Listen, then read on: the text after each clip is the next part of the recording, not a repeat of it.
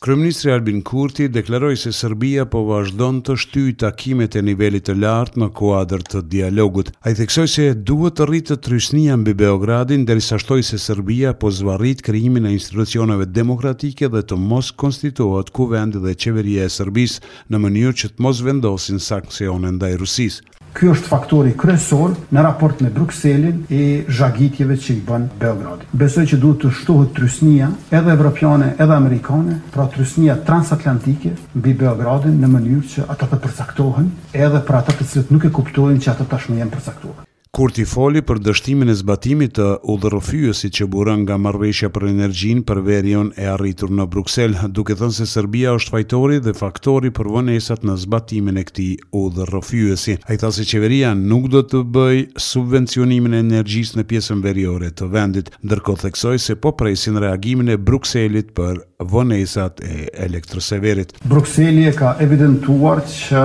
qasja destruktive e Serbisë është faktori e fajtori për moszbatimin e deritanishëm të udhërrëfyesit ashtu siç ishin paraparë oraret dhe ne presim reagimin e Brukselit, por padyshim që në situatën e njëjtë për ndryshime nuk mund të vazhdojmë me mënyrat e vjetra. Kurti tha se Serbia ka kryer krime lufte dhe gjenocid ndaj popullit të Kosovës një ditë pasi emisari i BE-së për dialogun Miroslav Lajçak bëri të ditur se Kosova dhe Serbia janë vetëm dy fjalë afër ose larg finalizimit të marrëveshjes për të pagjeturit. Kryeministri Albin Kurti tha se termi të zhdukur me dhunë është dallimi mes palëve.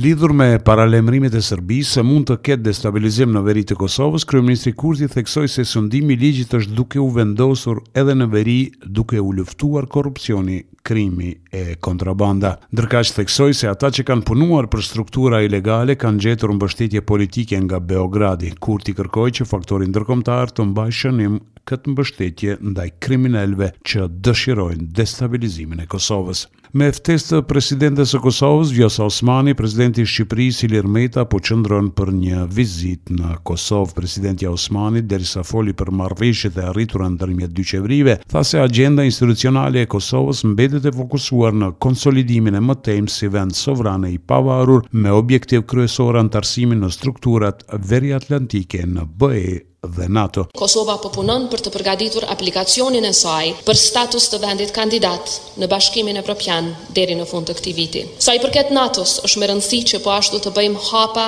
vendimtarë përpara. Në momentin kur edhe Kosova të anëtarësohet në këtë aleancë, do të rritet niveli i sigurisë, i paqes dhe i stabilitetit në gjithë rajonin tonë. Ndërkaq presidenti në largim, Ilir Meta, i cili është në përfundim të mandatit të tij, tha se nuk pranon falënderime për arsye që, siç tha, ka bërë detyrën kushtetuese dhe morale. Meta tha se është në interesin e të gjitha shteteve të rajonit që të ketë sa më shumë vende anëtare në NATO, ndërsa theksoi se pret edhe marrëveshjen për normalizimin e marrëdhënieve Kosovë-Serbi me marrëveshjen përfundimtare për njohje reciproke. Mezi presim të duartrokasim një marrëveshje që çon drejt jo vetëm normalizimit por dhe njohjes reciproke të Serbisë edhe të Kosovës. Është interes i gjithë rajonit tonë. Asnjë vend nuk mund të hyjë në Bashkimin Evropian pa zgjidhur çështje të tilla dhe kjo është në interesin e të dyja vendeve. Ministri i Financave Hekuran Murati e nisi raportimin e tij sot, por nuk e përfundoi. Kjo pasi raportimi u ndërpre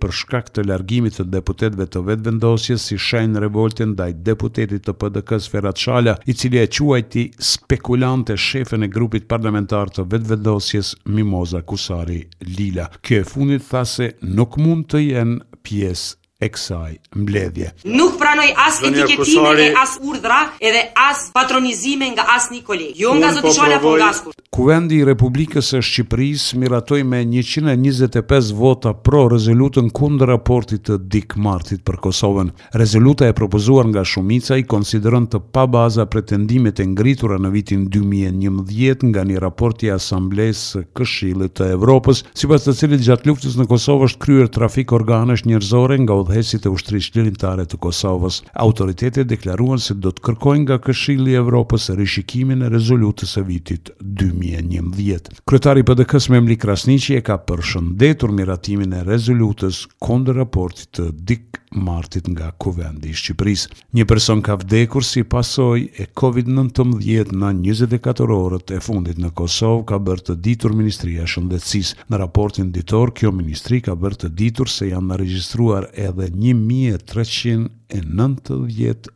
raste të reja me Covid nëntëmbëdhjetë. Numri i rasteve aktive me Covid ka shkuar në nëntë mijë dyqind e tridhjetë persona.